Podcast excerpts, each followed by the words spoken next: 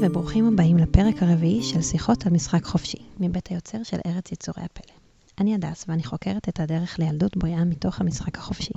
ככל שאני מתעמקת במחקר הזה, מרחיבה ומעמיקה את מושג המשחק החופשי, אני מגלה עד כמה הוא קשור לכל רובד בהתפתחות שלנו, האישית, הרגשית, החברתית. אני מגלה שהרבה מהבעיות שלנו כאנשים וכחברה מתחילות בזה שקצת שכחנו את החוקים של המשחק. שכחנו איך משחקים. אבל משחק אמיתי, חופשי, משחק של ילדים. ואני מגלה כמה ריפוי מחכה לנו שם, אם נצליח לתת לילדים שלנו לשחק, אם נצליח לתת לעצמנו המבוגרים את האיכויות של המשחק שכל כך חסרות לנו בחיים. הפודקאסט הזה הוא הזדמנות בשבילי להתעמק במחקר הזה, להזמין לשיחה אנשי חינוך, טיפול, אמהות ואבות, שמהם אני רוצה ללמוד. בפרקים האחרונים שוחחתי על נושא המשחק עם אנשי מקצוע, מורים שלמדתי מהם בלימודי החינוך האנתרופוסופי. דיברתי על תפקיד המשחק על פי גישות שאני לומדת, כמו הגישה ההיקשרותית-התפתחותית של דוקטור גורדון ניופלד, ויש עוד רשימה ארוכה ומרתקת של נושאים ואנשים שעוד אגיע אליהם. בפרק הזה הזמנתי לשיחה את אבישג קופלמן בכר, אישה שאני לומדת ממנה המון, כבר תקופה ארוכה, על המקצוע הכל כך חשוב וכל כך מורכב. אימא. אבישג היא אימא לארבעה ילדים, כותבת ויוצרת בלוג מרתק, בו היא משמרת את הרגעים היפים של האימהות. יוצרת סרטונים מעוררי השראה לערוץ היוטיוב שלה, Off-Roads Living, על אורח החיים שלה בבית. סרטונים מלאים בפשטות, עמלנות, טבע והדברים החשובים בחיים. היא מעבירה סדנאות והרצאות וכיף גדול ללמוד ממנה. רציתי מאוד לדבר עם אבישג על נושא המשחק החופשי, גם כי תמיד מעניין אותי לשמוע מה יש לה להגיד, וגם כי ידעתי שאקבל זווית מציאותית על החיים. איך התיאוריות היפות והגדולות מתחברות לחיים, לילדים שלנו, הדינמיים המשתנים, למציאות. ידעתי שאקבל עיניים טובות ואופטימיות, על ההורות ועל עצמנו, ובאמת כך היה. אז אני מקווה שתהנו גם אתם מהשיחה, לפחות כמו שאני נהניתי. הזמנתי היום את אבישג קופלמן בכר לשיחה על אה, משחק חופשי. אני באופן אישי לומדת מאבישג כבר אה, הרבה מאוד זמן, גם דרך אה, ערוץ היוטיוב אה, ודרך הבלוג of roads living, אה, ומקבלת ממנה המון המון השראה, על, אה, בעיקר על איך אה, לנהל את הדבר הזה שנקרא חיים מאוזנים, אה, שזה כולל גם משפחה וגם קריירה וגם התפתחות אישית, ואני לומדת המון על הדרך לעשות את כל הדברים האלה, את הריקוד הזה של חיים באלגנטיות ובשמחה. ואני ממש שמחה שאת כאן היום, אבישג. אז אני רוצה להגיד ש... נראה לי שאני הזמנתי את עצמי לפודקאסט שלך, נכון? נכון. כן, זה קרה. אז אה, איזה כיף לי שבאת עד אליי, תודה רבה על זה.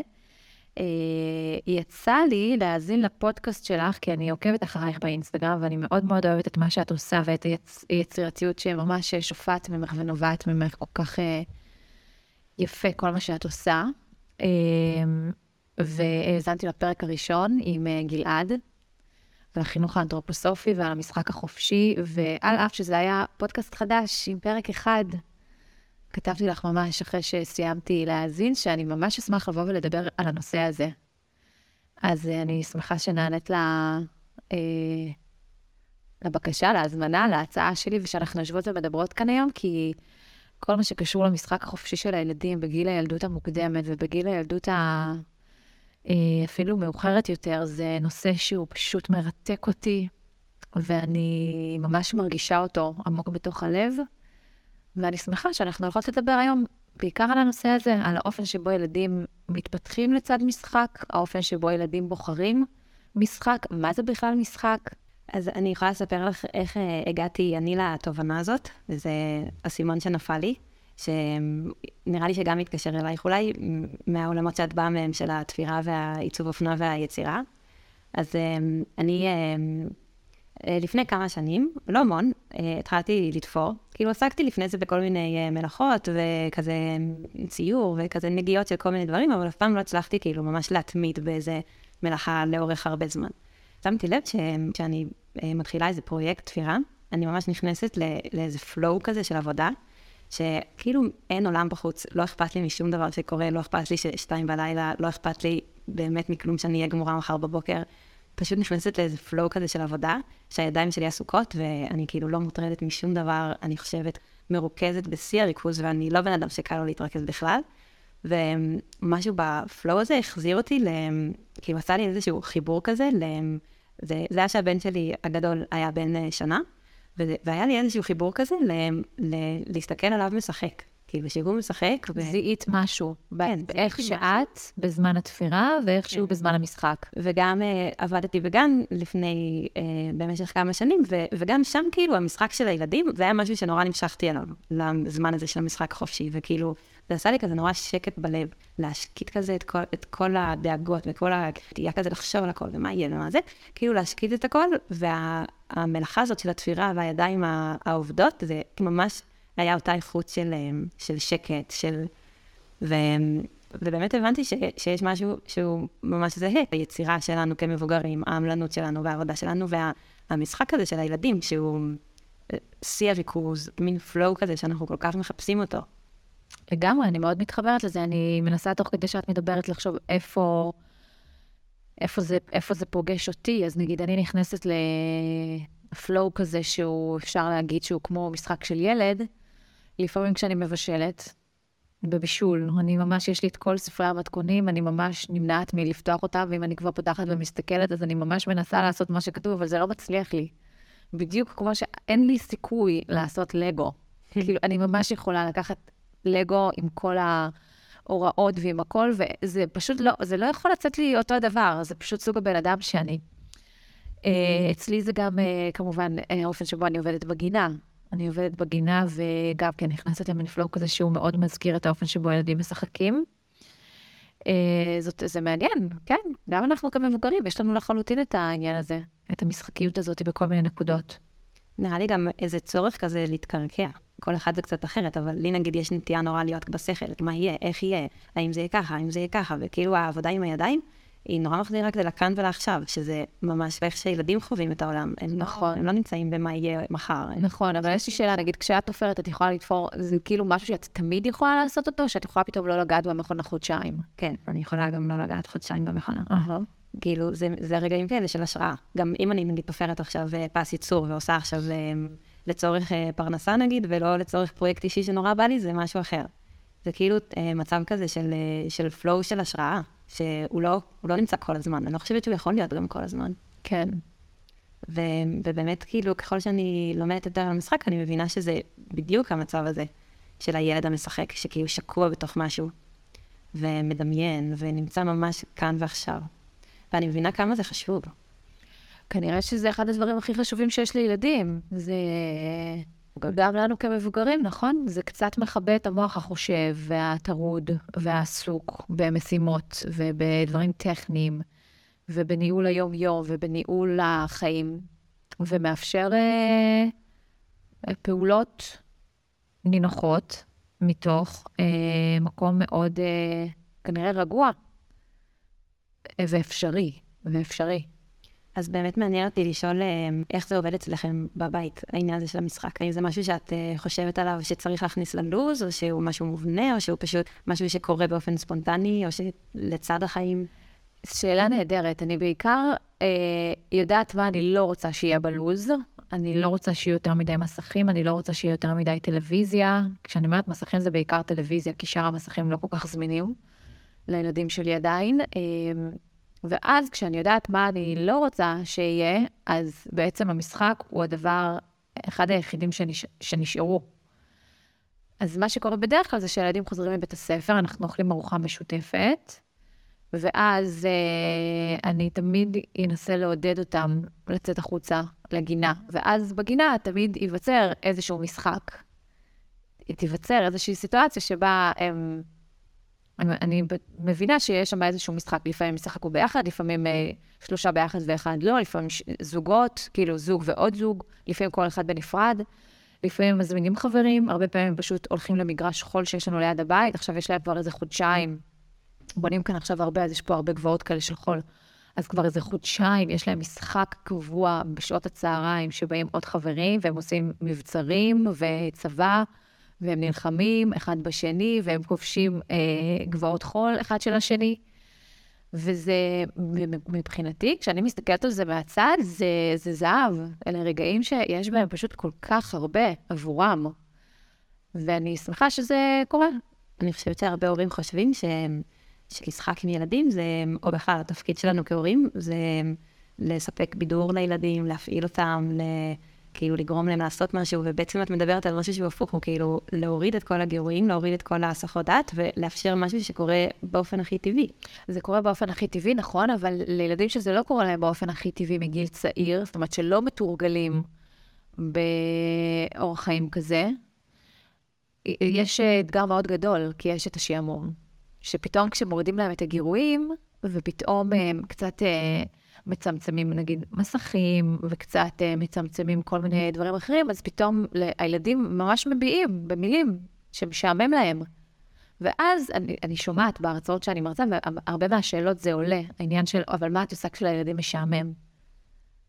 אז אני אומרת שנגיד גם הילדים שלי לפעמים אומרים לי, ש... אומרים לי שמשעמם להם. אז אני אומרת שאלוהים נתן לנו את כל התחושות ואת כל הרגשות כדי שנרגיש כל פעם קצת.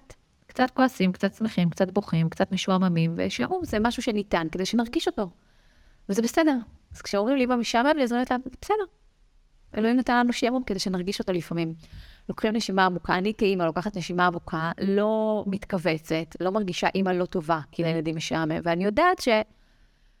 אם אני אשאר ברגע הזה של הילדים משעמם, ואני לא אכניס לרגע הזה שום גורם חיצוני, ושום בעצם הסחה, מהר מאוד זה יתגלגל לכדי משחק. כי לא, יו... לא יוותר להם שום דבר אחר, לא יישאר להם שום דבר אחר.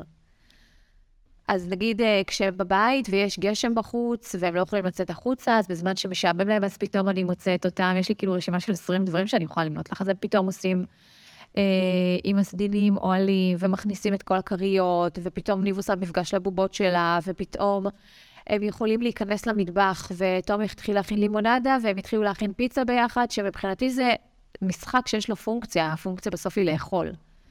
אבל יש שם משחקיות מאוד גדולה, יש שם משחק בבצק, ומשחק בידיים, ומשחק בלבלגן, ואחר כך משחק בלנסות לסדר. אה, יש להם שתי, הם, הם חיים בחדר אחד, ויש להם שתי מיטות קומותיים באותו חדר. אז נגיד, הם יכולים פתאום מתוך שעמום לסגור את המיטות התחתונות עם סדינים ושמיכות, ולעשות מלון, ניב, מלון טוב, מלון לני, ובכל מלון מציעים סוג אחר, פה יש ארוחה, פה יש מסאז', פה יש uh, ספא, והם עושים שטרות מנייר, שטרות מדומים, ומתחילים כאילו לשלם אחד לשני על המלון. עכשיו, זה מקסים, זה דבר נהדר שקורה, כי יש שם כל כך הרבה, יש שם שיתוף פעולה, ויש שם תכנון, ויש שם בדיקה של גבולות. מה הגבול שלי, מה הגבול שלך. עכשיו, דבר נורא יפה שקורה עם ילדים כשהם משחקים, אני מוצאת שזה ככה, שזה קשור למריבות, נגיד. שהם יכולים לריב תוך כדי משחק, אבל... זה רציתי לשאול אותך על זה באמת. כן, מה? כאימא לשני אה, קטנים, שני בנים, אז uh, לפעמים, הם עדיין לא בגיל שהם אומרים משעמם לי, אבל לפעמים זמן שהוא כזה ריק מפעילות, הופך מאוד מהר להיות לשבור את הבית וללכת מכות אחד עם השני. כמשחק או כמריבה? משחק של צד אחד יותר, וזה מגיע גם לכלכי וזה. אז מעניין אותי איך החוויה שלך בתור אימא לגם שני בנים שהיו יותר קטנים אולי בשלב יותר uh, כזה נמרץ. מצד אחד, השעמום הזה הוא טוב ומבורך, ומצד שני, איך, uh, איך זה לא הופך לכאוס. כשאני מרגישה שזה בדרך לכאוס, אז אני שואלת אותם, חבר'ה, אתם משחקים או שאתם רבים? אני לא לוקחת כמובן מאליו, לא שהם רבים ולא שהם משחקים, אבל אני שואלת. זה חלק מהמשחק. לגמרי, לגמרי, זה בסדר גמור. כן, האופי שלנו הוא שונה, והגבולות שאנחנו מציבים הם שונים. אנחנו מופעים שונים של בני אדם מול אנשים שונים.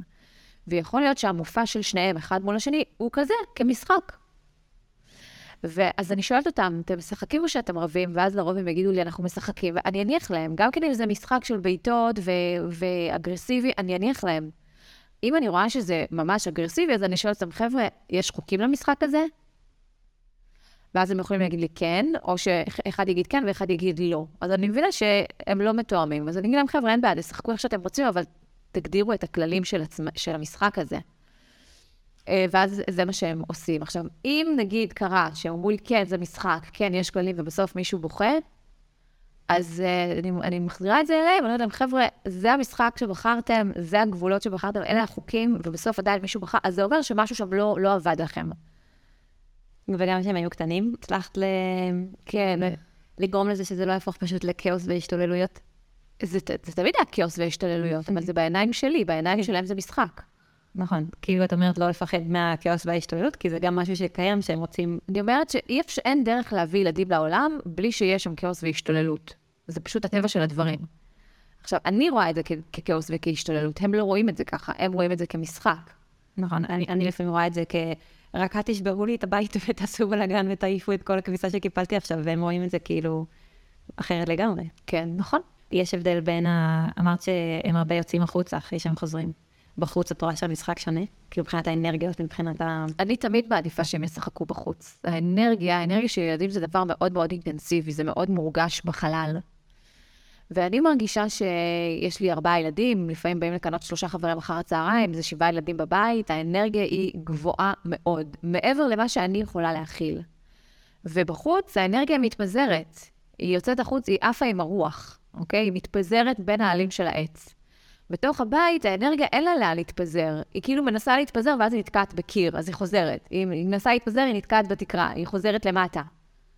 אין לה לאן להתפזר. אנרגיה של אה, ארבעה, חמישה, שישה, שבעה ילדים, לא משנה כמה יש באותו רגע בבית. אז אני תמיד מעדיפה שהם אה, ישחקו בחוץ. גם, זאת הסיבה שאני מטיילת איתם כמעט תמיד רק בחוץ. את לא תפגשי אותי בבית מלון איתם. זה כאילו נדיר, זה לא, זה לא כל כך קורה.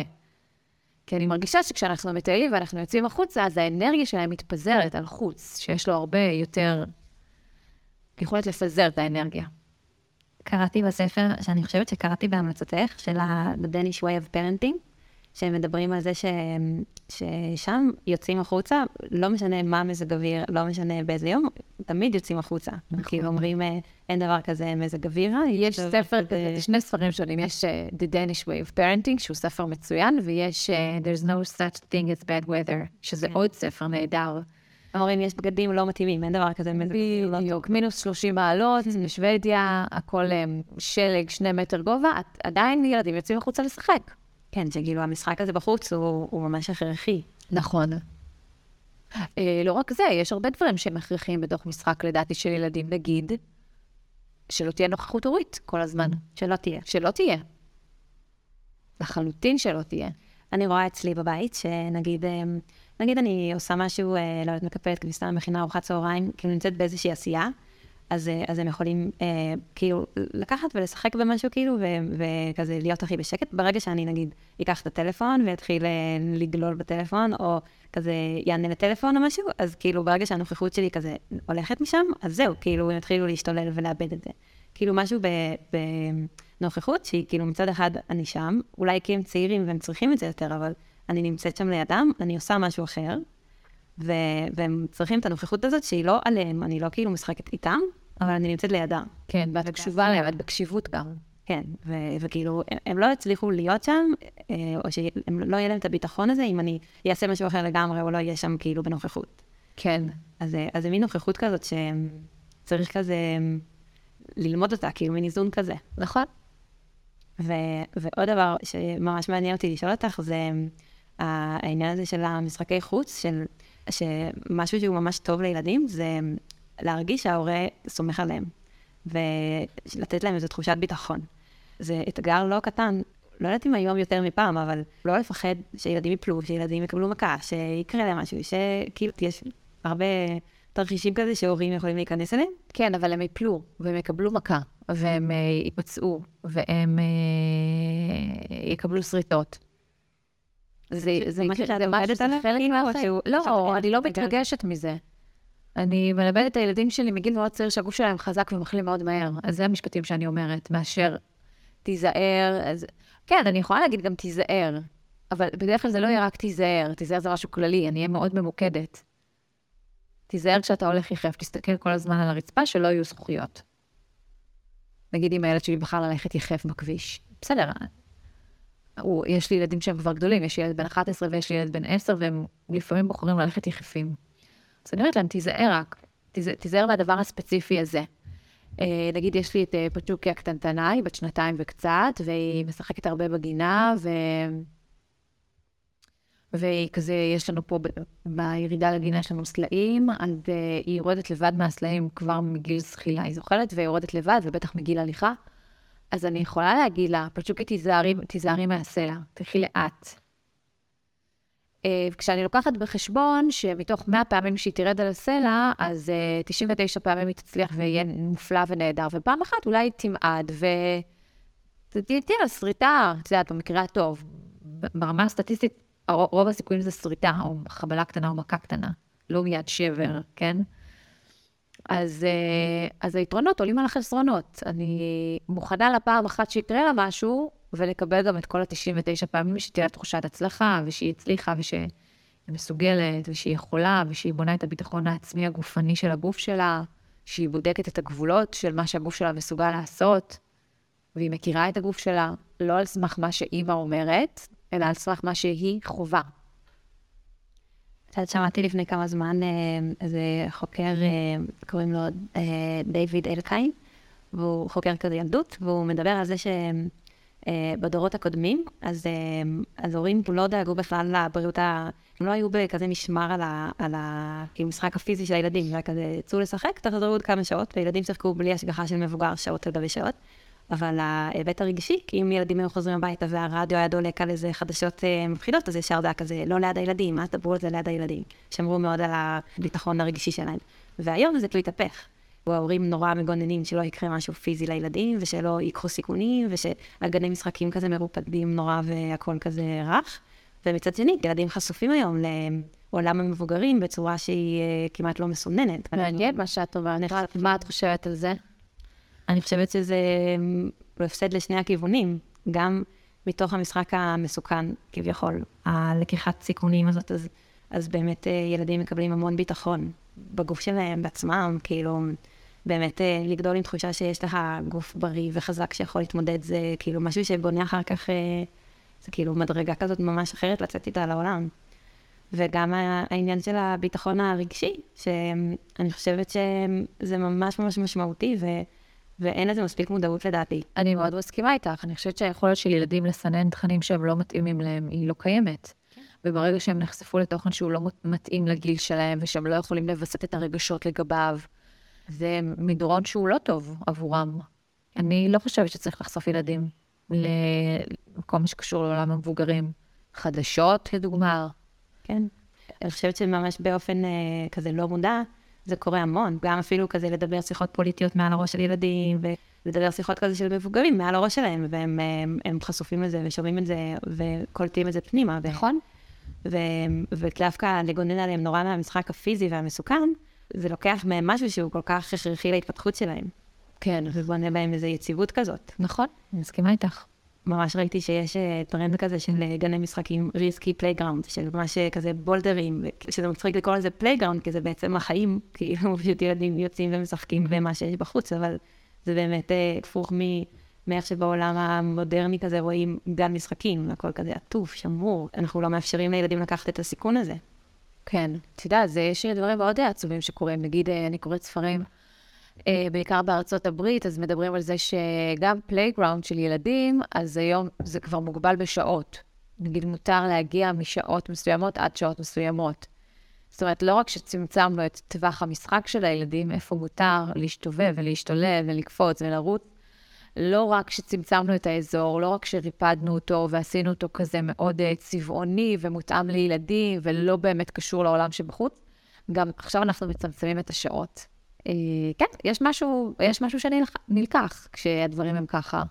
כן, וזה מתחבר לי למה ששמעתי אותך מדברת אה, עם ריי, אני חושבת, על זה שכאילו בשביל להיות, אה, לחיות חיים מאוזנים ושפויים היום, צריך ממש לשמור על זה באופן אקטיבי ולהילחם קצת בסחף הזה של התרבות והעולם המשוגע הזה שאנחנו חיים בו. נכון, אז נגיד אימא בניו יורק, שמגדלת ילדים בניו יורק, ממש בלב מנהטן, שיש לה playground כזה שני רחובות מהבית, והוא מאוד מוגבל בשעות, והוא כזה מאוד uh, עטוף. Uh, איך היא יכולה להתעקש על זה? בזה שהיא תיסע עם הילדים למקום שהוא בטבע, ביער, עם מרחק נסיעה מהבית, כשזה מתאפשר וכש, וכשזה יכול לקרות בעצם. כן, אבל נראה לי שזו גם הבנה ממש חשובה להבין שכאילו, זה צורך של ילדים, זה זכות של ילדים, המשחק הזה, שאם לא נתאמץ אה, לתת להם את זה, אז לא בהכרח הם יקבלו את זה. זה משהו שהם עושים באופן טבעי, אבל באמת יש כל כך הרבה הסחות דעת, וכאילו דברים שמושכים אותם כזה לכל מיני כיוונים, שזה לא מאפשר להם את, ה, את השקט הזה. נכון. ואת השעמום הזה, שהוא כל כך מבורך, שממנו יוצאים. תראי, הילדים שלי רשומים לבית ספר דמוקרטי, כי רוב היום מה שהם עושים שם זה לשחק. ואני חושבת שלגיל הילדות זה נהדר. יכול להיות שבגיל ההתבגרות הדברים יראו לי קצת אחרת. יכול להיות שכשהם הגיעו לגילאים אה, ככה גדולים יותר, אז אני אסתכל על כל ילד אה, באופן נקודתי, וזה ייראה שיש כבר איזשהו מיצוי של, של הנושא הזה. אבל כרגע, כשילד הגדול שלי הוא בן 11 וחצי עוד מעט, זה כל עולמו. זאת אומרת, מתוך שש שעות במערכת, הוא נכנס לבערך ארבעה, בין שלושה לארבעה, לפעמים אפילו חמישה שיעורים ביום, אבל יש לו גם, בימים ממש טובים, מה שנתפס אצלו כיום טוב, שלוש שעות שלמות בבית הספר, שבהם הוא פשוט משחק. זה מדהים. הוא משחק בבית הספר, אז נגיד, היום כשלקחתי אותם לבית הספר, הם סיפרו לי שהדבר הכי גרוע שהבית הספר עשה, זה שהם קנו המון אה, קוביות אה, פלסטיק ירוקות כאלה. יש את הקוביות של תנובה, הירוקות האלה, שמובילים איתם אוכל, אז אה, מדי פעם אפשר ללכת ולקנות כמות גדולה כזאת עם תנובה, שיש בזה קצת בלאי. אז הבית הספר הדמוקרטי רכש, משהו כמו 200-300 יחידות כאלה, והם פיזרו את זה בכל מיני פינות בבית הספר, קצת ליד הגן, קצת ליד התיכון, קצת ליד הבית א' ב', קצת ליד ד' ה'. ואמרו לי, אה, הם התחילו לצחוק ואמרו לי שיש עכשיו מלחמות בבית ספר על, ה, על הקוביות האלה, ושיש ממש מחנות, ושבונים מבצרים, ואז הם מתקיפים את המבצר ולוקחים להם קוביות, ובונים לעצמם טירה יותר גדולה, והם עושים מחילות בתוך הדבר הזה. זה ממש קוביות כאלה שאפשר לבנות איתם מלא דברים. ואמרתי לה, אם, אם היה בבית ספר יותר, אם הבית ספר היה קונה יותר, לדעתכם הבעיה הייתה נפתרת? אז הם אמרו, מה פתאום, אנחנו יותר אוהבים את המשחק ואת, ה, ואת מה שקורה, מאשר את זה שיהיה לנו את הכל. אז הם, הם, הם פשוט מוצאים דרך, אה, בסוף סביב הכל, לשחק ולהיות משחקיים. אה, אני מוציאה עכשיו טיולים של אימהות וילדות, היה לי, של אימהות וילדים, היה, היה לי טיול בדיוק לפני שבוע, אולי קצת יותר, אולי קצת פחות, לא זוכרת בדיוק את היום. והיו בערך 17 אה, אה, ילדים וילדות בגילאים שונים, והגענו לשלולית חורף מאוד מאוד גדולה, יפה כזאת, חמודה. ובטיולים שלי אין איזושהי, תוך, אין איזושהי פעילות מוגדרת. אני, אנחנו, אני מגיעה ללוקיישן מסוים, אנחנו עושות ארוחת בוקר, אוכלות, ואז כזה יוצאות לטיול, והיינו בשלולית חורף הזאת בערך 45 דקות, עד שהרגשתי שכאילו מיצינו, אבל זה 45 דקות שבתכלס אני יושבת מול שלולית חורף. עכשיו, במקומות אחרים יש מדריכים שהיו מרגישים צורך לייצר פעילות סביב השלולית חורף. או לדבר. לדבר, להסביר שיש חרקים בפנים, ושיש צפרדד, אה, כזה, איך אומרים? צפרדעים קטנים. ראשנים. ראשנים קטנים, ולהביא זכוכיות מגדלת, ולהביא כאלה צנצנות. ואני, כל מה שאני רציתי, זה שהילדים יעשו מה שהם רוצים. והיו ילדים שהפשילו את המכנסיים ונכנסו לתוך המים ונפלו קצת, והיו ילדים שלקחו אבנים וזרקו.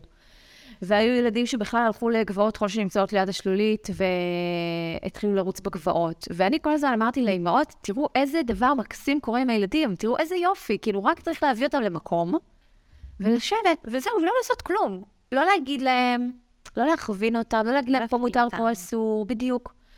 ובמשך 45 דקות, ילדים מגיל שנה וחצי עד גיל חמש מצאו את עצמם עסוקים, עושים, הולכים, נוגעים, בודקים, ומשחקים, בעיקר משחקים. ואני ברגע הזה ממש אה, טפחתי לעצמי על השכם, כי זה, מה זה לא מובן מאליו שמדריכה של טיול, שיש לה 17 אמהות, 17 ילדים, זה כאילו קבוצה גדולה, תוכל להרגיש בנוח 45 דקות לא לעשות כלום. עכשיו, זה לא באמת לא לעשות כלום, זה, זה לאפשר להרבה דברים שיקרו, מבלי שאני אנתב את הדרך. וכאן אני מדברת על העניין הזה שלא תמיד צריך נוכחות הורית. לא, לא תמיד צריך הנגשה, הדרכה. פעילות. פעילות יזומה. אה, גם היום, כשאני נגיד מביאה משחק חדש לפצ'וקי, הילדה הקטנה שלי, מתוקה, אה, אני אשתדל להביא למשחק ולא להגיד לה מה עושים איתו. פשוט להניח לה את המשחק. משחק פתוח, כמו ש... כן, שתעשה מה שהיא רוצה. קניתי לה לאחרונה קוביות, ושתעשה מה שהיא רוצה. אז היא, פעם אחת היא ממיינת לפי צבעים, ופעם אחרת היא בונה מגדל, ופעם אחרת היא מזמינה אותי ואומרת לי, אמא, בואי תעשי איתי ביחד. אמ, וגם זה ממש מדהים לראות, אני רואה אצל הבן שלי הגדול, חמוד בן ארבע, אמ, כאילו באמת את העולם, הראש שלו שופע דמיון, הוא כאילו לוקח את ה... יש לנו כזה בדי משחק כזה, הוא לוקח ועושה מזה כל פעם משהו אחר, וזה... ברור, זה מדהים לראות כמה, כמה הוא עשיר ברעיונות. ו... אני כל הזמן מנסה לשבח אותו על הרעיונות הטובים שלו, כאילו, וואי, איך חשבת על זה, איזה רעיון מעולה, וכאילו, באמת עושה דברים מדהימים. כל פעם הצגה אחרת, פה עושה בר מצווה, כאילו, הוא ראה בבית כנסת, הוא עושה אה, ים, הוא עושה, כאילו, באמת, כל פעם מביא איזה רעיון אחר. מדהים. כן. וזה זה כאילו, באמת יש להם בראש כל כך הרבה רעיונות. בטח. אנחנו רק צריכים רגע להקשיב ולראות מה הם עושים. ולקפוץ מעבר לשעמום. כן. לא לפחד מהשעמום, כי ברגע שעוברים את הדקות האלה של האמא משעמם לי, אמא משעמם לי, אה, נגלה בפניהם עולם אה, חדש. אני יכולה לספר לך, נגיד, שלפני שבוע נסענו לשמורת אה, אלוני יצחק. שמורה יפייפייה, מקסימה, יער מתוק, מוצל, עם מסלול הליכה, והיינו שם כל המשפחה. וזה קורה לי לפעמים, שאני רואה משפחות שמגיעות ופותחות מחצלת ויש אוכל והכל כיף והכל טוב, ואז יש תיק ענק של משחקים ששמים לילדים על המחצלת. וקצת קצת נטמט לי הלב על זה. כאילו, יש כל כך הרבה דברים במרחב שהגעתם אליו, שאם רגע תשאירו את המשחקים של הבית בבית, ותאפשרו לילדים רגע, שנייה, להתרחק מכם, ללכת רגע ביער, אז, אז הדברים התגלו שם. הייתי עם הבן שלי גם כן באגם ירוחם, הלכנו לדור לפני כמה חודשים. והיה שם אבא מקסים ומתוק. מה זה מתוק? באמת, בחור צעיר, הוא היה עם שני ילדים לבד, הוא פתח מחצלת, הכין להם אוכל, היה באמת קסם של בחור.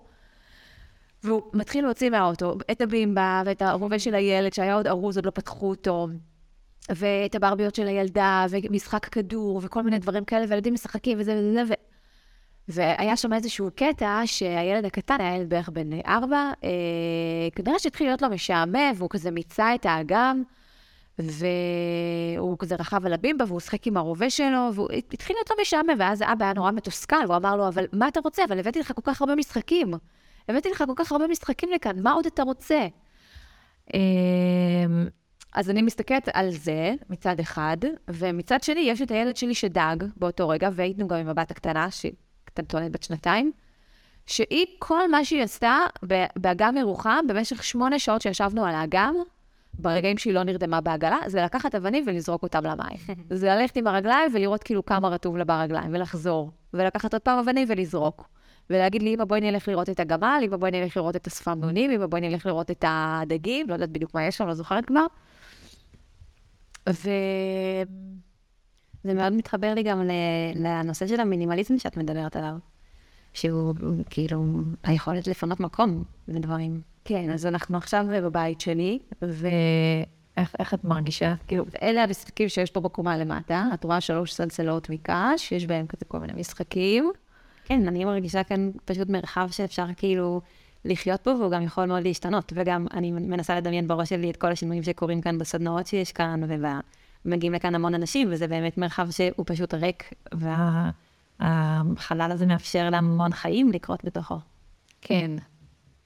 כן, כן, לגמרי. אה, אני זוכרת שכשהילדים שלי היו נורא קטנים, והבית היה עמוס וגדוש במשחקים, ממש, מכל הסוגים שכל הדודות וכל הסבתות קנו והביאו, ואני כאמא צעירה קניתי והרגשתי צורך שיהיו בבית. והבית געש ורעש מכל מה שאני קוראת לו פלסטיקים מרשרשים, מהבהבים, נשברים, מתפרקים, כאלה. אז uh, אני ממש זוכרת שהייתה לילדים שלי פינת משחקים מאוד גדולה, וכל פעם שהם ניגשו לפינת משחקים הזאת, התכווץ לי הלב. אמרתי כאילו, וואי, מצד אחד יש להם את הפינה הזאת והכל נגיש להם, והכל כזה בסלסלות שהם יכולים לגשת ולקחת מה שהם רוצים. מצד שני, מה זה לא בא לי שהם ייגעו? כי הם יעשו לי בלאגן. והבלאגן שהם הולכים לעשות לי זה לא משהו שהם יכולים לסדר, אני אצטרך לסדר אחר כך. אז גם נוצר דיסוננס נורא גדול בין מה שאני רוצה לתת להם, שזה המון משחקים, לבין מה שאני מסוגלת להכיל, לבין מה שהבית מסוגל להכיל, לבין מה שזה עושה בתוך הבית. ואני רוצה לחיות, אני לא תמיד מצליחה, אבל אני מאוד רוצה לחיות במקום שהוא מאוד מאפשר לילדים. שייכנסו למטבח ויבשלו מתי שהם רוצים. שייכנסו לחדר, אין לנו חדר משחקים, אבל שיקחו איזה משחק שהם רוצים וישחקו, וזה לא עכשיו יבלגן את כל הבית ויעשה בלאגן. אני לא רוצה בכלל להיות במודעות או במחשבה של, אל תיגע במשחק, כי לא בא לי לסדר אותו אחר כך. אם, זו, אם זה ה-state of mind, זה אומר שמשהו לא עובד. כן. זה אומר שיש יותר מדי. כי אם יש עשרה פאזלים, אז באמת, כל פעם שילד ניגש לפאזל, את, את רוצה כאילו, רגע, רגע, רגע, רגע, בוא נראה מה אתה נוגע, בוא נראה מה אתה לוקח, שלא ית, ית, ית, יתערבבו החלקים. או אם השקעתי יותר זמן בלסדר את הפינת משחקים, שזה יהיה כזה נורא פיין ונורא יפה, מאשר הזמן שהם באמת משחקים שם, אז כנראה זה, זה כאילו יחס ש, שלא מאפשר להם באמת את המשחק. כן. ואם זה כל כך מסודר והכל במקום. ו... כן, כן, אז, אז אני מעדיפה שיהיה להם בכל רגע נתון פאזל אחד. תעשו מה שאתם רוצים, בסדר, ילכו לאיבוד החתיכות, כל חתיכה שאני אמצא זה של הפאזל הזה. כן. ויש הרבה פאזלים בבית, אבל הם לא נגישים לכל הילדים בכל רגע נתון. ואז גם אני יותר רגועה בתוך המשחק שלהם. תעשו מה שאתם רוצים, הכל בסדר. נכון. מה שכן, כשיש חצים של רובים שנזרקים בבית, ואני מוצאת אותם בכל מיני נקודות, משם זה, זה, זה כבר לא חוזר אליהם, זה הולך לפח. אם אני חוזרת לבחור החמוד הזה שפגשת בירוחם, שכאילו היה נורא מתוסכל, שכזה, הוא הביא לילד שלו את כל המשחקים, ושאל את עצמו, כאילו, מה הוא סך הכל רוצה? אז נראה לי שכאילו, ההבנה הזאת שהילדים סך הכל רוצים אותנו, ואת הזמן שלנו, ואת היחס שלנו, ולא את כל המשחקים הכי יפים שבעולם. אני אגיד לך יותר מזה, לפעמים הם לא רוצים אותנו, והם לא רוצים את היחס שלנו, הם רוצים אוטונומיה עצמאית, ובגיל מאוד צעיר. לפעמים אני רואה את פצ'וקי הקטנה, אני מסתכלת עליה, יוצאת לגינה. עכשיו, היא לא, היא לא קראה לי. היא לא אמרה לי, אמא, בואי איתי לגינה. היא, היא יצאה, הדלת הייתה פתוחה, היא יצאה מהגינה, אני מתבוננת עליה. עד שהיא לא תקרא לי, אני לא אגש אליה. אני אסתכל עליה כדי לראות שהיא שמורה והיא בטוחה, ואני אראה שהכל בסדר איתה, וכשהיא תחזור, אז אני קצת אדבר איתה על, על גבולות, ובמה צריך להיזהר, וכשהיא הולכת, עד איפה מותר לה ללכת. אבל אני לא מיד אלך אליה. אבל אני חושבת שהיא לא הייתה יוצאת החוצה ולא מרגישה ככה בנוח, אם היא לא הייתה יודעת ומרגישה בטוחה שאת כאן.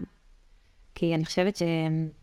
כאילו באמת גם אה, כזה מחקרי מוח, הם כאלה מראים שבשביל שיכולת החקירה של הילדים תהיה אה, כאילו בעדיפות ראשונה, הם חייבים להרגיש ביטחון. נכון, בטח, את בגלל- ה- דיברנו על זה בהתחלה, יש צורך בפניות. בפניות וב... בפניות, כן, פניות רגשית. ביטחון. בטח, כן, את צודקת, יש לה המון ביטחון, היא יודעת שאימא שלה כל הזמן בבית, איתה.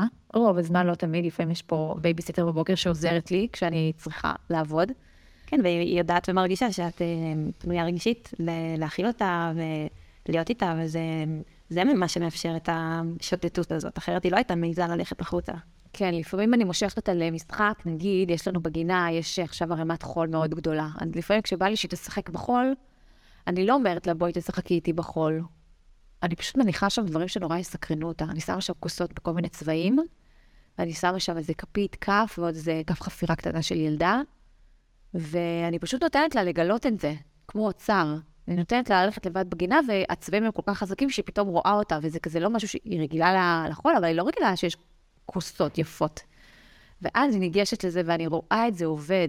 אני, אני רואה שזה עובד. אמ, לפעמים נגיד ניב, אם ממש בא לי שהיא, שכזה היא תשחק באיזשהו משהו כזה מעניין, אז אה, ניב מאוד אוהבת טלוויזיה.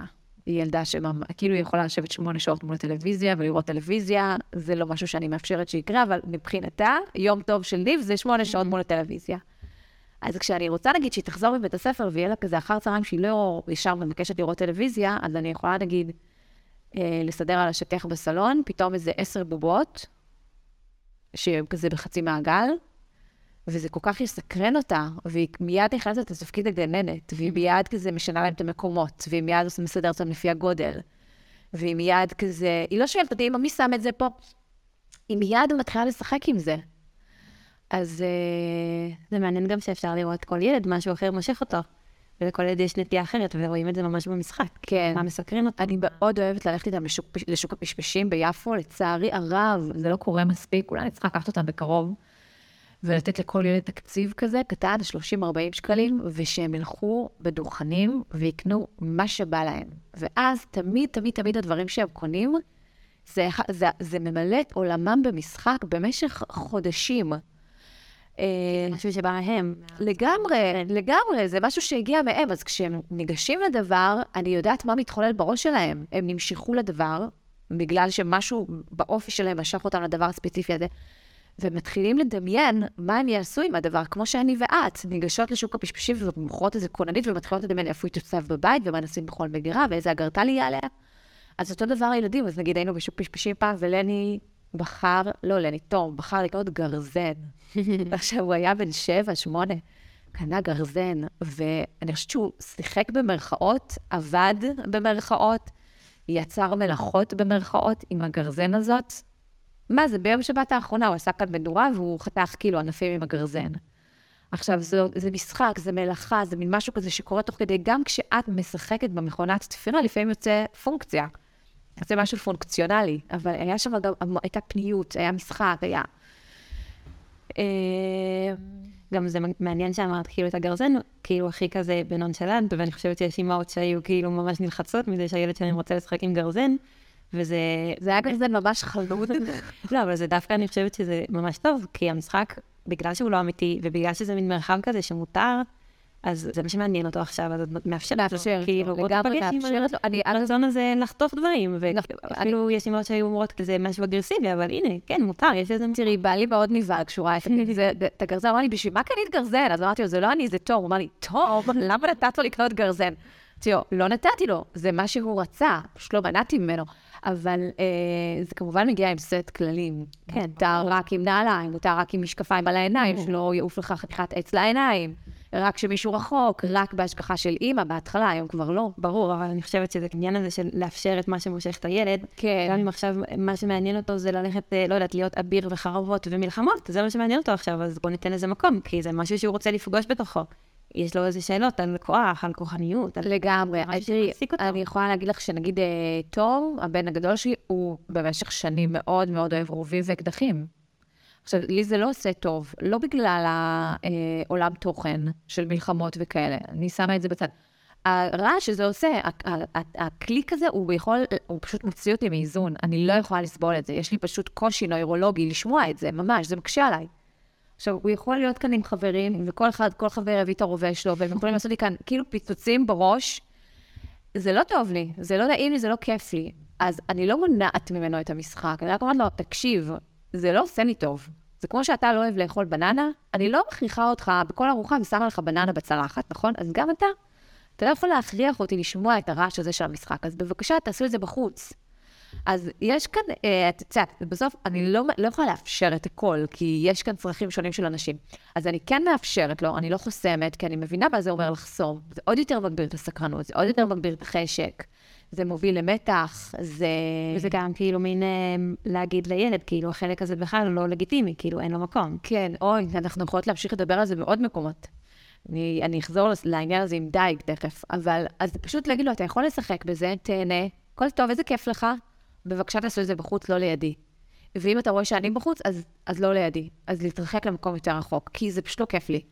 Uh, במקום שאת מדברת עליו, שהילד פוגש משהו שמאוד מסקרן אותו, אבל אנחנו כהורים לפעמים כזה מנוגדים לדבר, תשמעי, אני חוויתי את זה בצורה מאוד עוצמתית ובקיצוניות של הדבר. אני לא אוכלת מזון שיש בו צער בעלי חיים. אני ממש ממש נמנעת ממזון שיש בו צער בעלי חיים. אני לא יכולה להגיד שאני במאה אחוז, לפעמים קורה שאני כן, אבל אני ממש משתדלת שלא. ויש לי ילד שהוא דייג. כאילו, הוא ממש דייג. הוא דג דגים. Uh, מגיל, מגיל אה, שנתיים-שלוש, בכל פעם שהלכנו לנחל או לאגם, הוא מנסה לקחת חתיכת עץ, קושר עליה חוט, זורק, שם לחם, ממש מגיל שנתיים, שלוש, הוא מנסה לתפוס דגים. כשטיילנו בניו זילנד והוא חגג יום הולדת שמונה, הוא ביקש ליום הולדת שמונה בניו זילנד חכה. וקנינו לו חכה, כי זה מאוד נפוץ שם. ואפילו כשהיינו לפני זה במקום אחר בעולם, שיש בו מלא דייגים, באיי פארו, הוא ממש ביקש ממני, אמא, הוא היה בן שבע. אמא, אני רוצה שתיקחי אותי עם דייג, עם סירה של דייג, אני רוצה לראות איך דייג תופס דגים.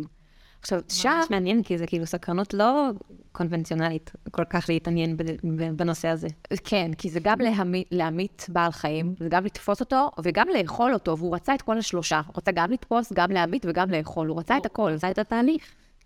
כן, מדהים. עכשיו, בעינייך זה מדהים, בעיניי זה מעורר את כל הדברים שאני ממש מתנגדת אליהם. אני לא רוצה לאכול דגים, כי אני חושבת שלדגים יש זכות קיום.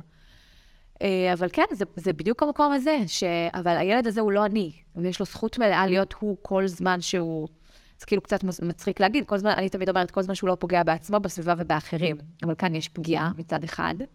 מצד שני, סביבתית חברתית זה עדיין במסגרת, זה עדיין במסגרת מה שהחוק מאפשר, כמובן, החוק לא אוסר על דייג.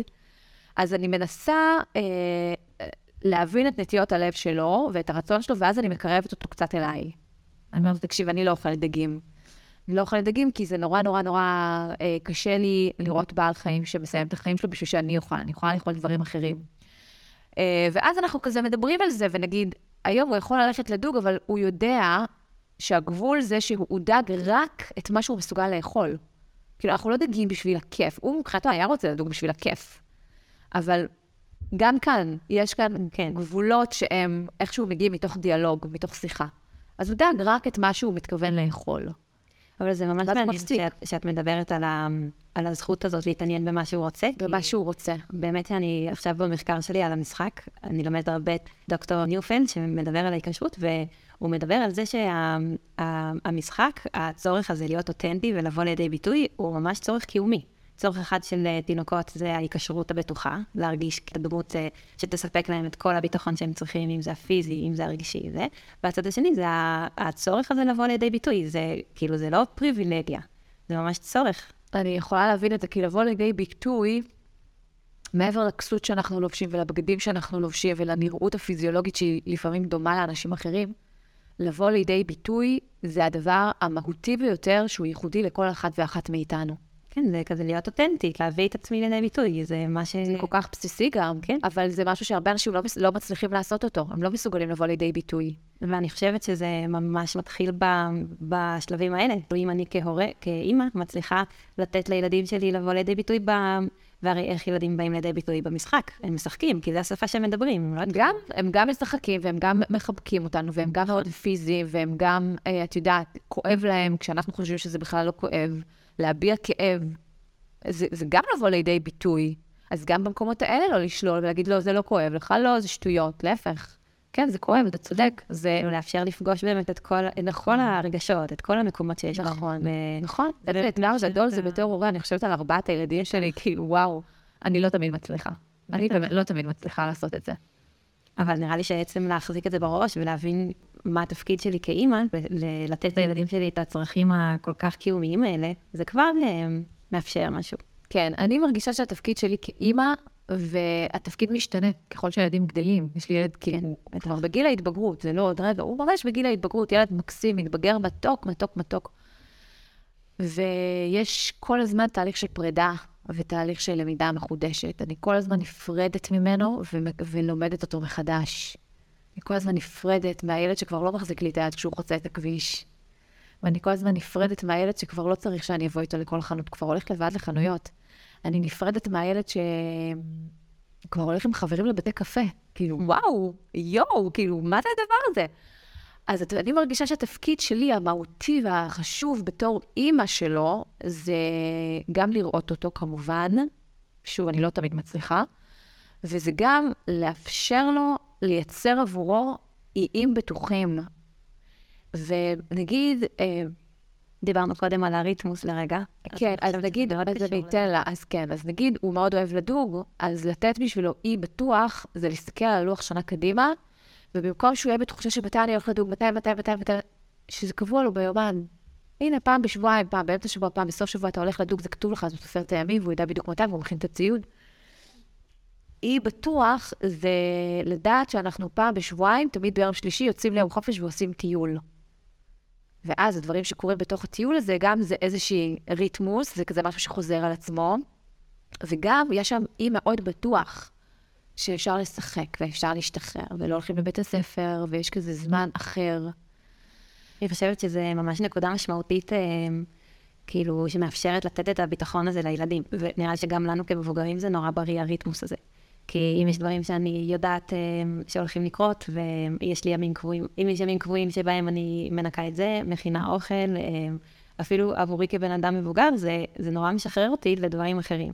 ואם אני חושבת על ילדים, אז אם uh, הילדים יודעים שביום uh, הזה, זה, אבל גם בתפקידים שלהם בבית וגם בלו"ז משפחתי כזה, נגיד, אצלנו השבת היא ריתמוס שמאפשר להם המון שקט. Uh, נגיד, uh, אנחנו שומרים שבת, אז, אז כל שבת, כאילו, הם יודעים שיש את הקידוש ויש את הבית כנסת ויש את הזמן, אנחנו בבית בשבת, או אצלנו או אצל משפחה, אבל זה כאילו ריתמוס ש, שממש נותן להם uh, ביטחון כזה, שכל בטח. שבוע חוזר על עצמו. בטח, בוודאי.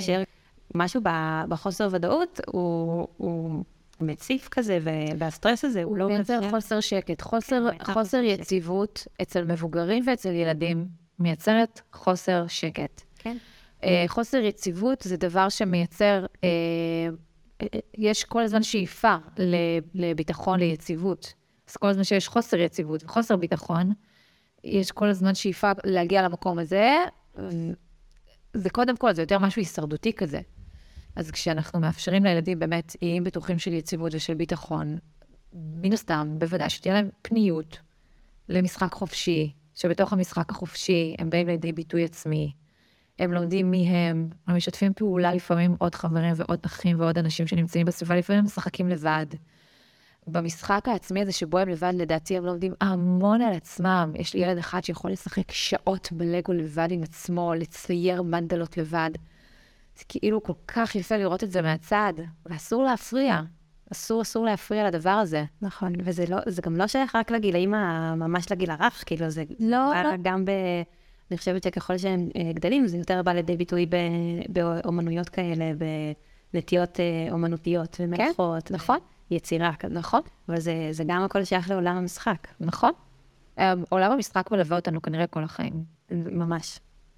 ו- ואני חושבת שגם באופן אה, מאוד מאוד עמוק של... אה, כי אני חושבת אה, שאיך ששיחקנו כשהיינו ילדים, אם היינו יכולים לעשות כזאת קפסולה של זמן ולראות איך שיחקנו כשהיינו ילדים, זה יכול להגיד עלינו אה, המון דברים. אני מאוד מסכימה איתך. אני הייתי ילדה מאוד אה, פרועה, ואני גם בוגרת מאוד פרועה. אה, אני תמיד הייתי יחפה, אני תמיד טיפסתי על עצים. אני זוכרת בבית הספר היסודי שהייתי יושבת על עצים עם חבורה של בנות, של חברות שהיינו מדברות שיחות כאלה, של תחילת גיל ההתבגרות. כזה גיל 10, 11, 9. אה, אני ממש זוכרת שהייתי בונה בתים על העץ עם אה, בני דודים שלי, שהיינו עושים מלחמות אחד עם השני, היינו המון בחוץ, ואני המון בחוץ גם היום. אה, בטח, בטח. זה, זה בעצם תרגיל המאזינים והמאזינות שלנו, שינסו להיזכר איך הם שיחקו בילדות. ממש. ואיך הם משחקים היום, ואיזה סוג של משחק הם מאפשרים ופותחים עבור הילדים והילדות שלהם. נכון, וגם כאילו כהורים, יש לנו המון הזדמנויות להיזכר במשחקיות הזאת, כי... זה נורא קשה כשהכול הוא, כל החיים הם כזה משימות נורא אה, משעממות וסידורים וזמוס. כאילו, נכון. אם אנחנו לא מוצאים בזה את, ה, את ההשראה ואת המשחקיות ואת הצחוקים, לעשות גם צחוקים עם הילדים. זה באמת לא כיף להיות הורה אם אין את הדברים האלה. נכון. טוב, יש לי שאלה, אבל וואי, אני לא יודעת אם היא לסיום או להתחלה של שיחה. מה השאלה? אמ, אותי מעניין, אה, ואני חושבת שמעניין גם אה, הרבה הורים ואימהות בכלל. אמ, כאילו השאלה הזאת, האם אה, להיות נוכחת עם הילדים ולאפשר להם את המשחק ולהקדיש זמן למשחק, האם זה פריבילגיה, או האם זה האחריות שלנו כהורים? האם אורח החיים המאוזן הזה, שמאפשר את כל הדברים הנהדרים שדיברנו עליהם, האם הוא פריבילגיה, או בחירה עם, עם, שיש לה מחיר גם? אה, שאלה מאוד יפה, אני חושבת שכנראה שזה שילוב של השניים, כי אם אין לי את הפריבילגיה לתת לילדים שלי משחק חופשי, אז אולי האחריות ההורית שלי זה לבחור עבור המסגרת שכן מאפשרת את זה. אז כנראה שילוב של השניים. מצד שני, יש כל כך הרבה אמהות שיש להן פריבילגיה לאפשר לילדים שלהם משחק חופשי, אבל הם, אין שם את ההבנה של כמה הדבר הזה הוא חשוב, ואז אמנם יש את הפריבילגיה, אבל לא, אין שם את האחריות ההורית כלפי הדבר הזה. אה, שאלה מאוד טובה, מה את חושבת?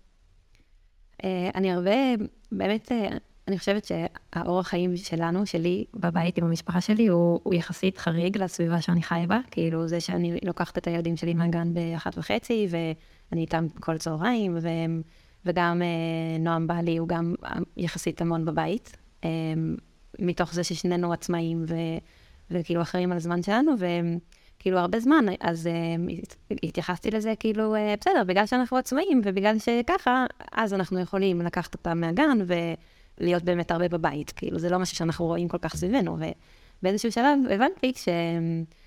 שזה לא, זה לא פריבילגיה, זה בחירה. בחירה שיש לה לפעמים הרבה מחירים, וזה שאני שמה בראש סדר העדיפויות את הנוכחות עם הילדים שלי בגילאים הכל כך צעירים האלה.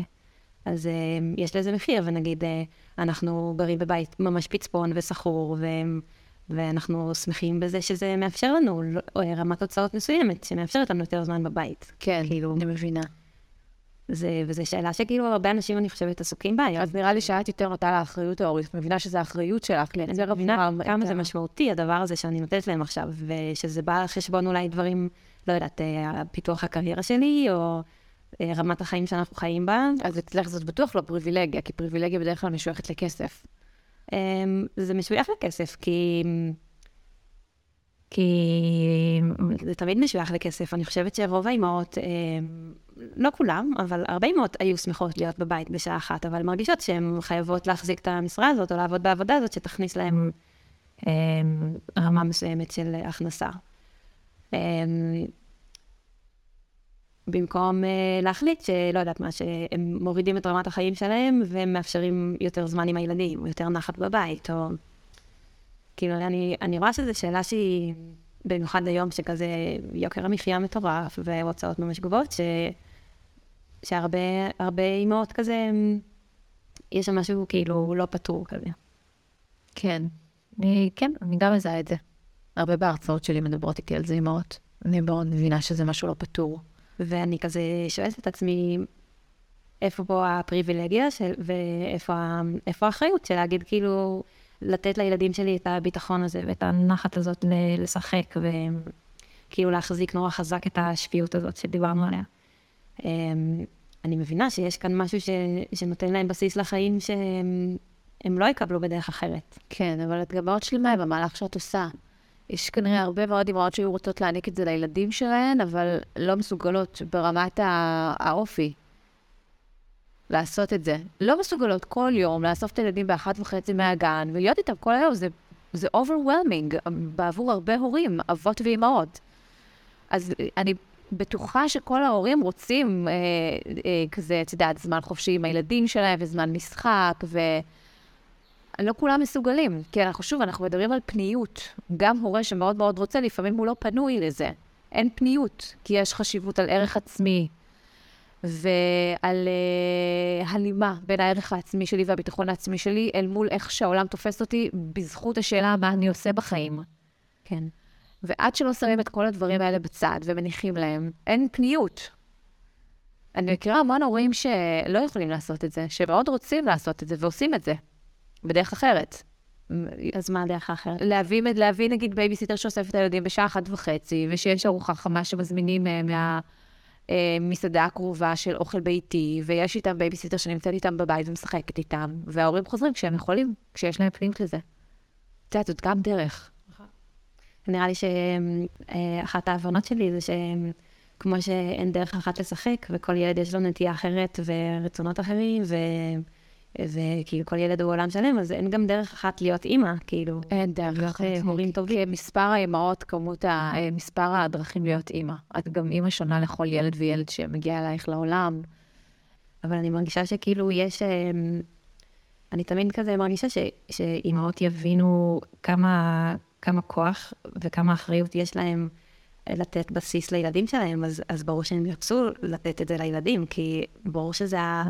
הנקודת פתיחה הכי טובה שאפשר לצאת ממנה לעולם. כן, אבל זה אי אפשר, אין, אין משהו שהוא גורף לכולם. את יודעת, מספיק שאמא רוצה מאוד שילדים שלה ישחקו משחק חופשי, אבל משחק חופשי מטריף אותה על דעתה, כי היא יותר בעניין של שליטה, והיא יותר רוצה לשלוט בסיטואציה, ומשחק חופשי זה, זה כאילו הצד המנוגד של שליטה. אז, אז אוקיי, היא תאפשר את זה לילדים שלה, אבל היא לא תהיה נינוחה שם, היא לא תהיה נעימה שם, היא תהיה מאוד כזה טייט וסטרסט, אז, אז מצד אחד הילדים מקבלים משחק חופשי, מצד שני מקבלים אימא מאוד לא בטוב. אז כנראה שאין דרך אחת, ו- וצריך, אה, כל אחד וכל אחת צריכים להרגיש שבכל רגע נתון הם עושים את הכי טוב שהם יכולים, וכשאתה מרגיש בלב שלך שאתה באמת עושה את הכי טוב שאתה יכול, אז אפשר לנשום, ואפשר להירגע, ואפשר לקום מחר, ולשאול מחר מה אני רוצה לעשות, כי אולי מה שאני רוצה היום זה לא מה שאני רוצה מחר. גם, גם הרצונות שלנו משתנים תוך כדי ההורות, התובנות שלנו משתנות תוך כדי ההורות. טוב, אז אבישי, גם וואן המון תודה על השיחה הזאת, ועל אמ, ששיתפת אותי בנקודת מבט שלך על אה, עולם המשחק החופשי ועל אה, הורות, ואיך אפשר להיות אה, אימא שנותנת מרחב כזה של ביטחון ומאפשרת לילדים להתפתח בדרך שלהם. היה לי ממש מעניין. גם לי, תודה רבה על השיחה הזאת. תודה רבה רבה לאבישג, ששיתפה אותנו בנקודת מבט המיוחדת שלה על נושא המשחק. אם יש כאן מישהי שעוד לא עוקבת אחרי העשייה הנהדרת של אבישג, אני ממש ממליצה. אצרף לכם קישור בתיאור הפרק. תודה רבה לכל מי שהאזין, שהייתם שותפים ללמידה. מוזמנים ומוזמנות להצטרף אליי, ללמוד איך להאט וליצור סביבה שמאפשרת לילדים להיות פשוט ילדים, שמאפשרת להם לנוח ולעשות את הדבר הכל כך חשוב הזה, לשחק. ניפגש בפרק הבא של שיחות על משחק חופשי.